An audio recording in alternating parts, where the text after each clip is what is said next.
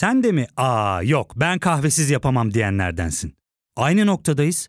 İlk ve tek kahve üyelik uygulaması Frink'le tanış. Hem bütçeni koru hem de hiç bitmeyen kahvenin tadını çıkar. Yakınlarından terapinin onlara ne kadar iyi geldiğini dinlesen de kendin için bir şeylere başlamak zor geliyor olabilir. Ya da sevdiklerine yardım etmeye istekliyken kendi ihtiyaçlarını görebilmek. Hayvel, uzman psikologlarıyla kendi ihtiyaçlarını bulmanda sana destek olacak. Terapi yolculuğuna başlamak için detaylı bilgi bölümün açıklamalarında. 17 Mart Türkiye siyasi tarihinde yeni bir dönüm noktası olarak tarihe geçecek iki önemli gelişme oldu. HDP'ye kapatma davası açıldı ve HDP milletvekili Ömer Faruk Gergerlioğlu'nun milletvekilliği düşürüldü.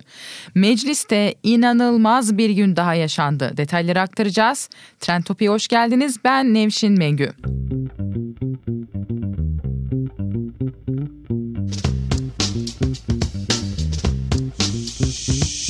Önce Ömer Faruk Gergerlioğlu ile başlayalım. Barış istediğim için, Kürt meselesinde adil bir çözüm istediği için işinden ihraç edilen 30 yıllık bir hekimim. Ve bundan dolayı bana terörist dediler. 28 Şubat döneminde de terörist dediler. Başörtüsünü yasağına karşı büyük bir mücadele sergiledim. Yine terörist dediler. Her devrin zalimi terörist dedi bana. Allah'a şükür ben haktan, hukuktan ayrılmadım. Ne kutsal bir iş yapıyoruz derdim. Candır arkadaşlar. Can kurtarmak. Biz can almak için değiliz. Kin, nefret için yaşamıyoruz. Merhamet, vicdan ve hak için yaşıyorum ben bu dünyada. Bunun peşinde koşuyorum ve bize kalkıp böyle iftiralarla uğraşıyorlar. Ömer Faruk Gergerlioğlu meclise girdiğinden bu yana başı sıkışan herkesin yanına koşan yetiş diyenin derdine derman arayan bir isim olarak biliniyor. Uzun yıllar mazlum der çatısı altında insan hakları savunuculuğu yapmış olan Gergerlioğlu dinlediğiniz gibi KHK ile devlet memurluğuna son verilmiş bir hekim. 2017'de ihraç edilen Gergerlioğlu 2018'de HDP'den Kocaeli milletvekili seçildi. Kısa sürede meclisin en aktif milletvekillerinden biri oldu. KHK'lılar, harbiyeli öğrencilerin yargılanması, cezaevinde hükümlülerin koşulları konularını hem sosyal medyadan hem de meclis kürsüsünden yorulmadan duyurdu. Bakın bu hukuksuzluklarla bir yere gidemezsiniz. Ayhan Bey'den sonraki Mazlum Der Başkanıydım ben. Biz Mazlum Der'deyken 367 krizine karşı sonuna kadar mücadele etmiştik. 2008'di. AK Parti'ye kapatma davası açılmıştı. Ben Mazlum Der Genel Başkanıydım. Sabah ilk açıklamayı ben yaptım. Bugün hani bir bakanınız var ya ona buna küfrediyor. O gün size ağız dolusu küfrediyordu. Ben gücün yanında değilim. Hak eksenindeydik. Allah'a şükürler olsun. Hiç de şaşmadım bu eksende. Özlem Zengin bana demiş ki Gergerlioğlu bu meclisi terörize ediyor. Değerli arkadaşlar ben size sorarım. Bu mecliste tek biriniz bile beni herhangi bir kavga gürültüde gördü mü? Ben iki buçuk yıldır insan hakları ihlallerini anlatırım buraya. Çıkarım kürsüye insan hakları ihlallerini anlatırım. Ama insan haklarını ihlallerini anlatmamız demek ki birilerini rahatsız ediyor. O zaman ben şunu söyleyeyim. Ünlü sosyolog, yazan, çizen ve genç yaşta katledilen hayran olduğum insan Ali Şeriati der ki ben sizi rahatsız etmeye geldim. Evet ben de sizi rahatsız etmeye geldim. Partimizin de söyledikleri belki sizi rahatsız ediyor ama biz bunun için varız. İnsan hakları ihlallerini vurgulamak için varız. 19 Aralık'ta biz burada çıplak arama yok derken Sayın Özlem Zengin inanamıyorum öyle bir şey yok derken Sincan cezaevinde çıplak arama vardı. Okuyayım size. Vicdanınıza elinizi koyun dinleyin. Bir mektup Sincan cezaevinden geldi. Bugün ise Koğuş aramasında oldu her şey. Yine hakaret ettikleri için gerginlik çıktı ve darp edildik. Sonra tecrit hücresine götürdüler zorla. Orada da işkence yaptılar. Çıplak arama için üstümüzü başımızı yırttılar. Bu sırada darp gördük, ölümle tehdit edildik, küfredildi bize diyor.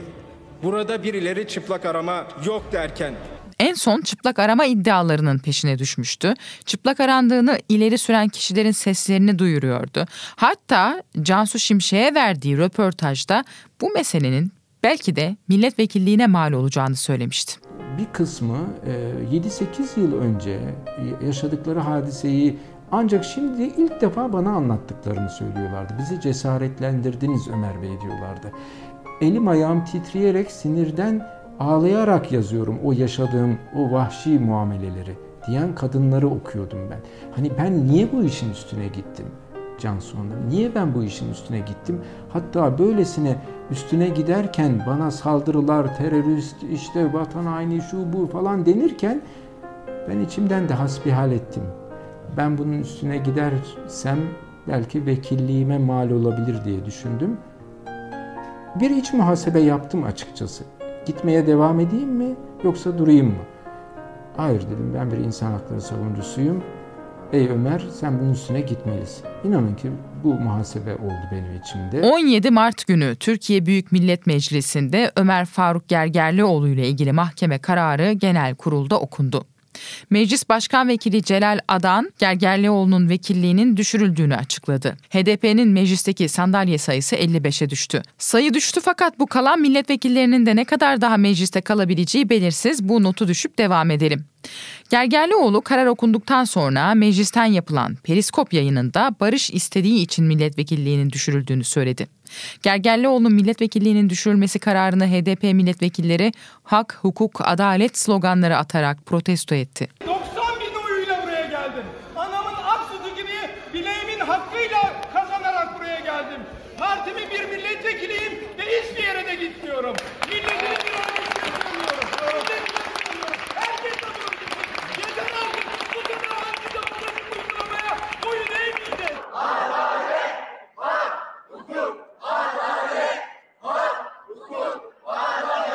Karar okunduktan sonra AK Partililer genel kurulu terk etti. HDP grubu meclis kürsüsünün önünde oturmaya başladı. Gazeteciler de meclis genel kurulundan çıkarıldı. Eski Beşiktaşlı futbolcu AK Parti milletvekili Alpay Özalan Gergerlioğlu'nu zorla meclisten çıkarmaya çalıştı. Arbede yaşandı araya CHP'li milletvekilleri girdi. Şimdi biraz başa dönelim. Belki merak ediyorsunuz. Gergerlioğlu bir milletvekili ve aslında dokunulmazlığı var. Nasıl oluyor da yargılanıyor, vekilliği düşüyor? Benim aldığım ceza bir retweetten kaynaklanan bir ceza. Bir haberi retweet etmişim. Bu haber halen yayında. Bu haber bir barış çağrısı. Bu haber için bir erişim yasağı yok. Bu habere bir dava açılmış değil ve başka retweet edenlere herhangi bir soruşturma açılmış değil. Ve bana böylesine uydurup bir ceza verildikten sonra da milletvekili seçildiğimde de benim yargılamamın durması gerekiyordu. Yargıtay'ın e, hakimleri demokratik toplum düzenine yönelik açık ve kapalı bir tehdit içeren bir e, tweet demiş buna. Ya Allah aşkına benim tweetim demokratik topluma nasıl bir tehdit içermiş? Demokratik toplum mu yıkılmış? Dört buçuk yıldır bu haber yayında demokratik topluma bir şey mi olmuş? Ve e, böyle e, e, hukuksuz bir şekilde yargılama devam ettikten sonra istinafta onandı ve Yargıtay'da da bire karşı dört oyla o, o, onaylandı. Bu e, onaylandı ama e, bir üyenin çok ciddi itirazına rağmen onaylandı. O 21 sayfalık e, metnin 16 sayfası sadece itiraza ayrıydı, ayrılmıştı. Kocaeli 2. Ağır Ceza Mahkemesi Gergerlioğlu'nun milletvekili olmadığı dönemdeki Twitter paylaşımı nedeniyle 2018'deki kararında PKK propagandası yapmak suçundan 2 yıl 6 ay hapis cezası vermişti. İstilafın kararı hukuka uygun bulmasının ardından dosyayı değerlendiren Yargıtay 16. Ceza Dairesi 19 Şubat'ta cezayı onamıştı. Bunun üzerine dokunulmazlığı bulunan Gergerlioğlu için hazırlanan fezleke 11 Mart'ta meclis başkanlığına gönderilmişti. Gergerlioğlu bu arada ifade özgürlüğünün ihlal edildiği gerekçesiyle Anayasa Mahkemesi'ne bireysel başvuruda bulundu. Gergerlioğlu başvurusunun bir örneğini de Meclis Başkanı Mustafa Şentop'a gönderdi. Başvuruda Gergerlioğlu'nun yasama dokunulmazlığı kazanmasına rağmen yargılamaya devam edilmesinin anayasanın 83. maddesine aykırı olduğu belirtildi. Somut olayda da başvurucu dokunulmazlıktan yararlandırılmamış ve hakkındaki dava devam etmiş ve bunun sonucu olarak da ifade özgürlüğüne müdahale edilmiştir denildi. Mustafa Şentop, Anayasa Mahkemesi kararının yatay etki edeceğini, bu nedenle Anayasa Mahkemesi kararını beklemeye neden olmadığını söyledi ve kararı mecliste okuttu.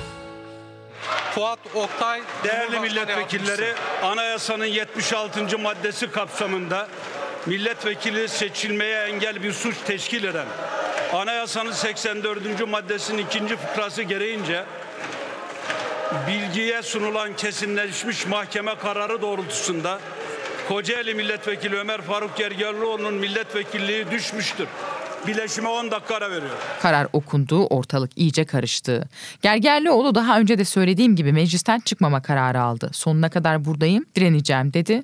Gergerlioğlu direnme kararını anlatırken de 1994'teki görüntüleri yapsınlar kendileri bilir, 1994 görüntüleri olur dedi. Peki 1994'te ne olmuştu? 3 Mart 1994'te aralarında Leyla Zana, Hatip Dicle, Ahmet Türk, Sırrı Sakık, Orhan Doğan'ın da bulunduğu çok sayıdaki Demokrasi Partisi milletvekilinin mecliste dokunulmazlığı kaldırılmıştı. Milletvekili olmalarına karşın dokunulmazlıkları olmadığı gerekçesiyle milletvekilleri 17 Mart 1994'te tutuklanmıştı. Aralarında Sırrı Sakık'ın da bulunduğu bazı milletvekilleri bir süre mecliste kalarak direnmiş ancak bir süre sonra meclisten çıkarılarak tutuklanmışlardı. 2007'de yaşamını yitiren Orhan Doğan'ın meclis kapısı önünde başına bastırılarak polis aracına bindirilmesi ise yıllarca konuşulan görüntüler arasında yer almıştı.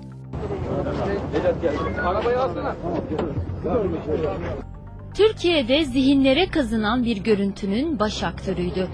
2 Mart 1994'te meclis kapısında sivil polislerin ensesinden bastırarak eski bir otomobile soktuğu görüntünün baş aktörü.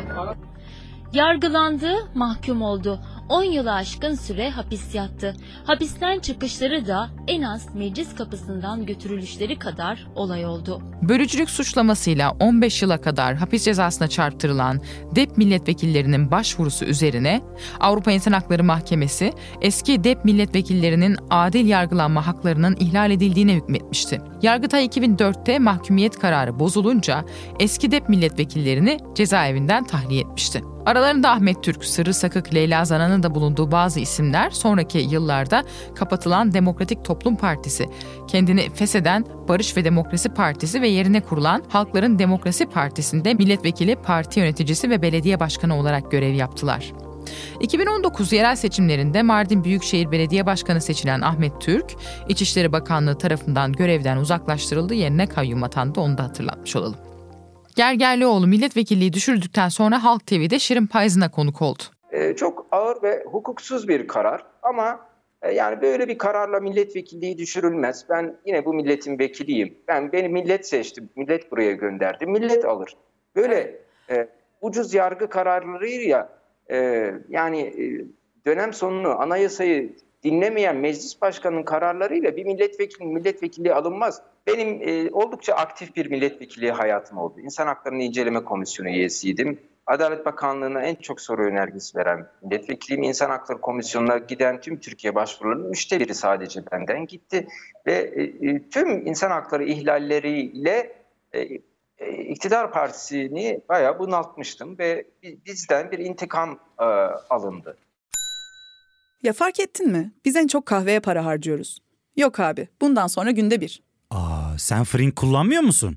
Nasıl yani? Yani kahvenden kısmına gerek yok. Frink'e üye olursan aylık sadece 1200 TL'ye istediğin çeşit kahveyi istediğin kadar içebilirsin. Günlük 40 TL'ye sınırsız kahve mi yani? Çok iyiymiş. Aynen. Hatta şu anda 200 TL'lik bir indirim kodu da var. E hadi hemen indirip üye ol da bu fırsatı kaçırma. Terapiye başlamak, içinden çıkamadığın döngüleri kırmak, bazı yanlış bulduğun kararlarını değiştirmek ve kendinle beraber daha huzurlu bir yaşam inşa etmek için atabileceğin en değerli adımlardan biri. Hayvel ile yoğun yaşam tempona uyum sağlayarak online terapi seanslarını takvimine göre ayarlayabilirsin. Bini aşkın uzmandan sana en uygun terapisti seçebilir, PodB10 koduyla indirimden yararlanabilirsin. Detaylı bilgi açıklamalardaki bağlantıda. Gelelim aynı günün bir o kadar önemli gelişmesine. HDP milletvekilleri Ömer Faruk Gergerlioğlu ile birlikte mecliste direnişlerini sürdürürken bomba haber Yargıtay Cumhuriyet Başsavcılığından geldi. Yargıtay Cumhuriyet Başsavcısı Bekir Şahin HDP'nin kapatılması istemiyle Anayasa Mahkemesi'ne dava açtı. Bültenimize sıcak bir gelişmeyle başlıyoruz. Siyasette tansiyonu yükselten haberler peş peşe geldi. Yargıtay Cumhuriyet Başsavcılığı HDP'nin kapatılması talebiyle dava açtı. İddianame yüksek mahkemeye gönderildi. İddianamede aralarında Selahattin Demirtaş ve Figen Yüksekdağ'ın da bulunduğu 600'den fazla HDP'li hakkında siyaset yasağı isteniyor. Ayrıca HDP'ye verilen hazine yardımlarının durdurulması, HDP'nin tüm mal varlıklarına tedbir konulması isteniyor. İddianamede Türkiye'nin bölünmez bütünlüğü toplumun huzur ve güveni için HDP'nin temelli kapatılmasının hukuksal zorunluluk olduğu söyleniyor. Davalı parti hiçbir milli meselede Türkiye'nin yanında yer almamış. Karşısında kim varsa onların safında yer almayı tercih etmiştir denilen iddianamede PKK, KCK silahlı terör örgütüne eleman temin etmekte HDP'nin aktif rol oynadığı savunuluyor. HDP kongreleri örgütün propagandasının yapıldığı, teröristlere saygı duruşunda bulunulduğu PKK kongreleri şeklinde cereyan etmiştir denilen iddianamede HDP terör örgütü PKK KCK'yı açıkça desteklemekten öteye geçerek onun bir organı gibi faaliyette bulunmuştur deniyor.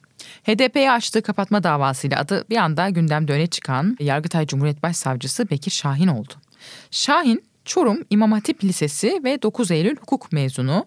Şahin'in Yargıtay'da muhafazakar kanaatteki üyelerden biri olduğu biliniyor. 16 Aralık 2013 tarihinde Yargıtay üyeliğine seçilen Bekir Şahin, Yargıtay Büyük Genel Kurulunca 30 Mayıs 2019 tarihinde Yargıtay 14. Ceza Dairesi Başkanlığına seçildi. Şahin 4 Haziran 2020 tarihinde Yargıtay Büyük Genel Kurulunca gösterilen adaylar arasından Cumhurbaşkanı Erdoğan tarafından Yargıtay Cumhuriyet Başsavcılığına seçildi. Mitchell'di. Şimdi Top Anayasa Mahkemesi'nde 15 üyeli Anayasa Mahkemesi'nin kapatma kararı alabilmesi için karar oturumuna katılan üyelerin 3'te 2'sinin oyu gerekiyor. Tüm üyeler katılırsa HDP'nin kapanması için 10 üyenin oyu gerekecek. Eylemleriyle kapatma kararına yol açan HDP'lilere de 5 yıl süreyle siyaset yasağı verilebilecek. Anayasa Mahkemesi temelli kapatma yerine davaya konu edilen fiillerin ağırlığına göre hazine yardımından kısmen ya da tamamen yoksun bırakma kararı vermeye de etkili.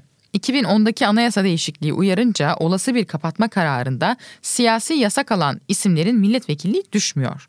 Bu nedenle AK Parti ve MHP'nin dokunulmazlıkları kaldırarak yargılamaların yapılması mahkum olan isimlerin vekilliğinin düşürülmesi yolunu izleyebileceği söyleniyor. Daha önceki bölümlerde de bahsetmiştik. Anayasaya göre mecliste üye tam sayısının %5'ine tekabül eden 30 ismin vekilliği düşer ya da 30 sandalye eksilirse ara seçim yapılması zorunlu. Kulislerde bu yolun izlenerek ara seçim yerine erken seçim kararı alınabileceği, HDP'nin kapatılması sonrasında erken seçim yapılmasının tasarlandığı yolundaki iddialarda konuşuluyor. Türkiye'de HDP'den önce son kapatma davası 2008'de AK Parti'ye açılmıştı. Hakkında 2007'de kapatma davası açılan DTP de kapatılan son parti olmuştu. Kararı dönemin Anayasa Mahkemesi Başkanı Haşim Kılıç açıklamıştı. Değerli basın mensupları,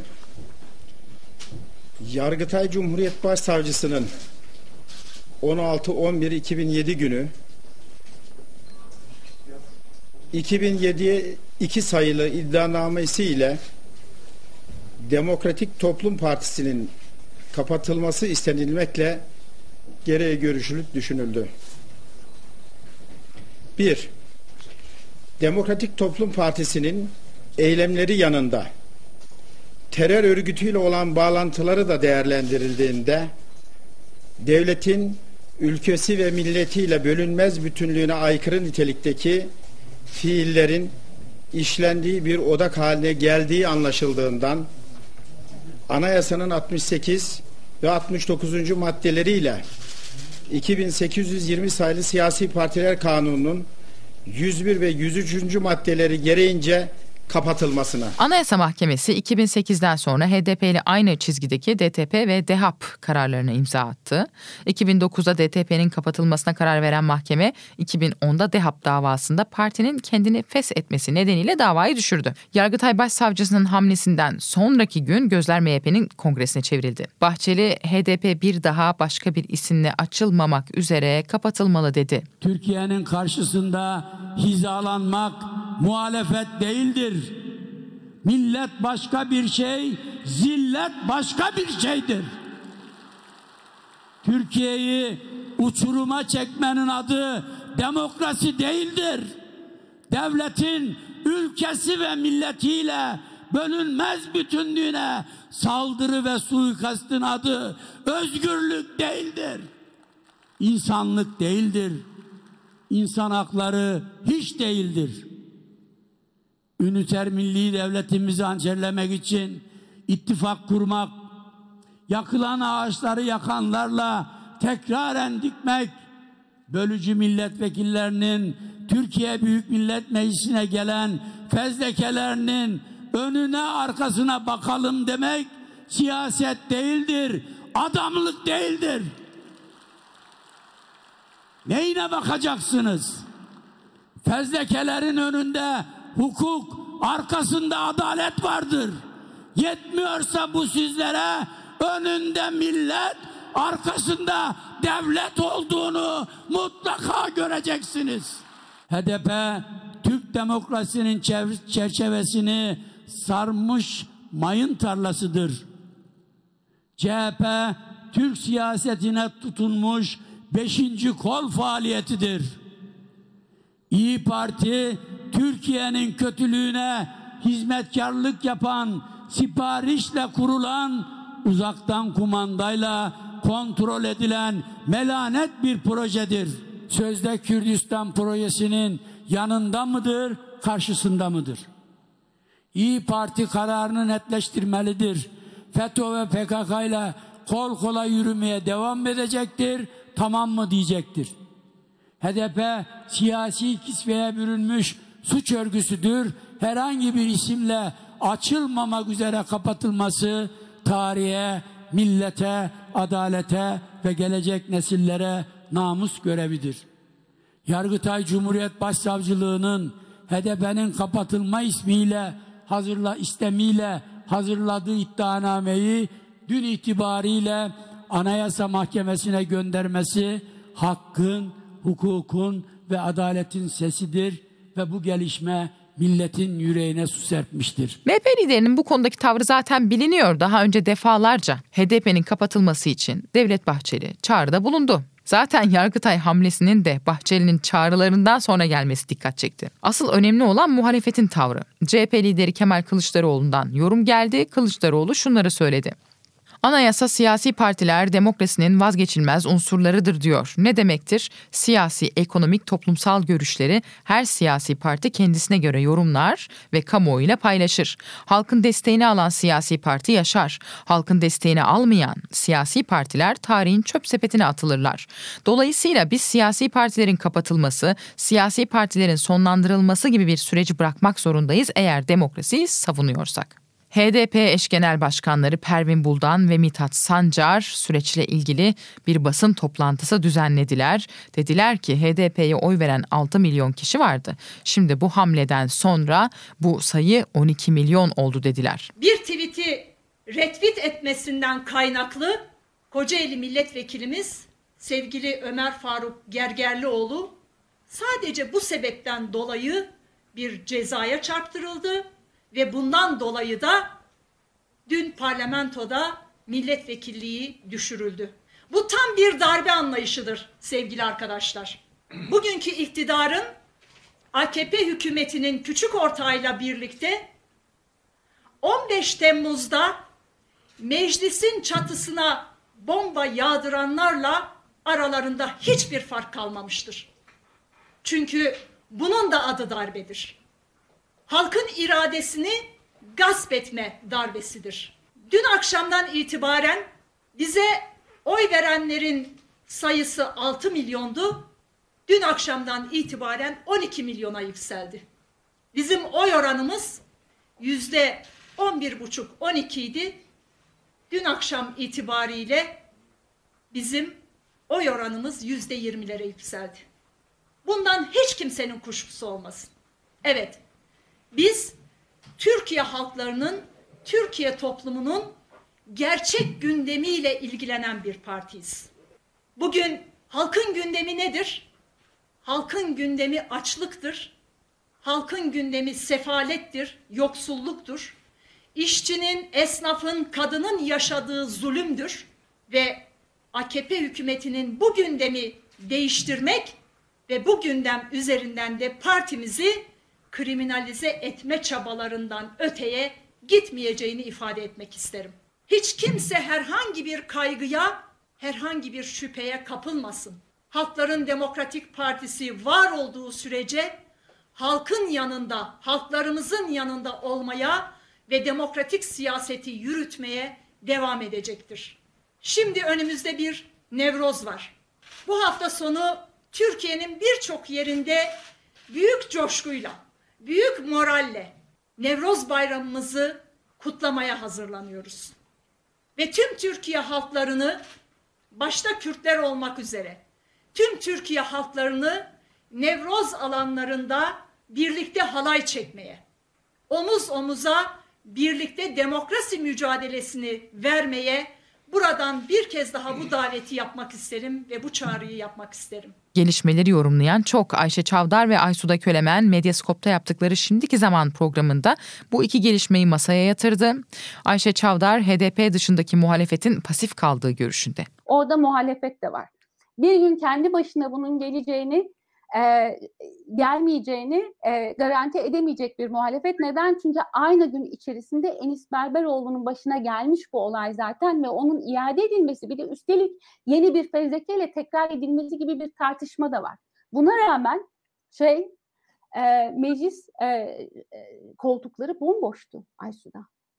Bomboştu. Ön sıralar doluydu yalnızca. E, az sayıda e, şey e, vekil Çağlayan'daydı. CHP milletvekili Urfa'da esnaf ziyareti yapıyordu bu esnada. Şimdi burada tehdit altında olanın bak yani e, şunu söylemeye çalışıyorum. İktidar çok açık bir şey söylüyor. Ben usulen yanlış bir şey yaptığımı biliyorum. Bunu da benim oluşturduğum kurumlar değil mi? Benim oluşturduğum oluşturduğum kurumlar kurumlar tescil ediyorlar diyor. İktidar bunu söylüyor. Muhalef, ana muhalefet partisi bundan zaten bir kez e, ma, tırnak içinde mağdur olmuş değil mi? Bir, bir kez başına gelmiş orada.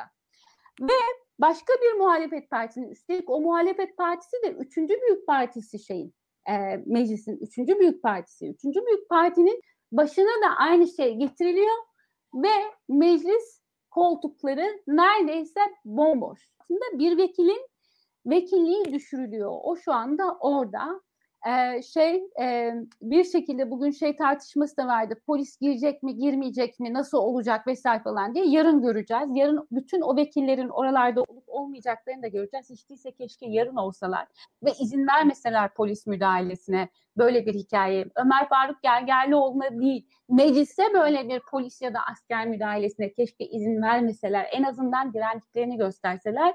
Niye söylüyorum bu? Niye önemli?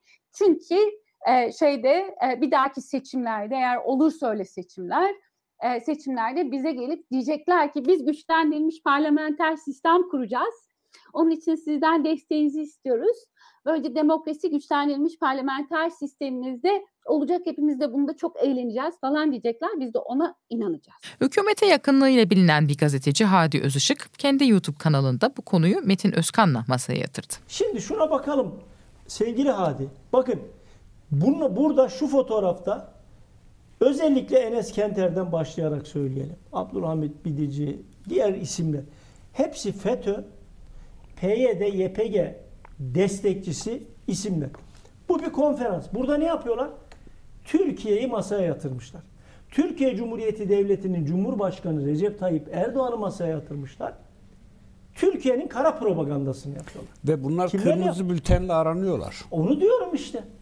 Yani şunların hiçbirisi ne vakıf ne dernek ne yani varsa bile Amerika'da bilmem ama kırmızı bültenle aranan isimlerle siz orada geçmişsiniz en alt köşeye.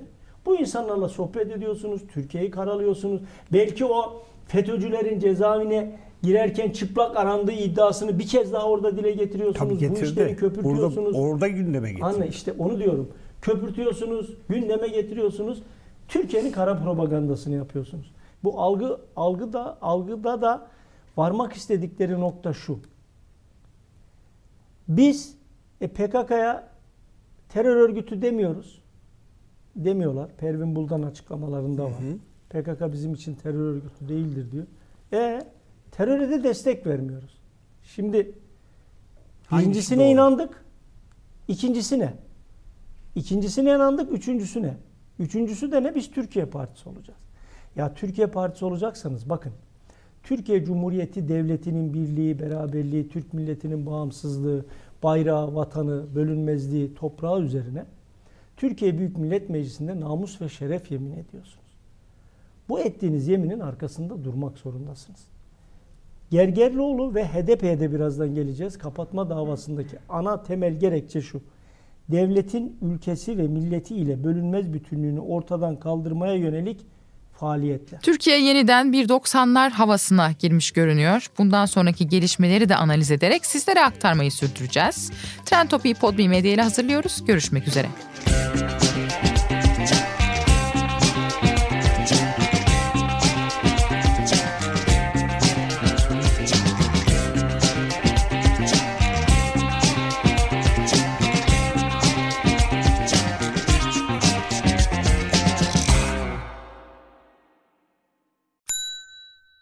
İlk ve tek kahve üyelik uygulaması Frink, 46 ildeki 500'den fazla noktada seni bekliyor. Açıklamadaki kodu girerek sana özel 200 TL'lik indirimden faydalanmayı unutma. Hadi sen de Frink üyeliğini başlat, kahven hiç bitmesin.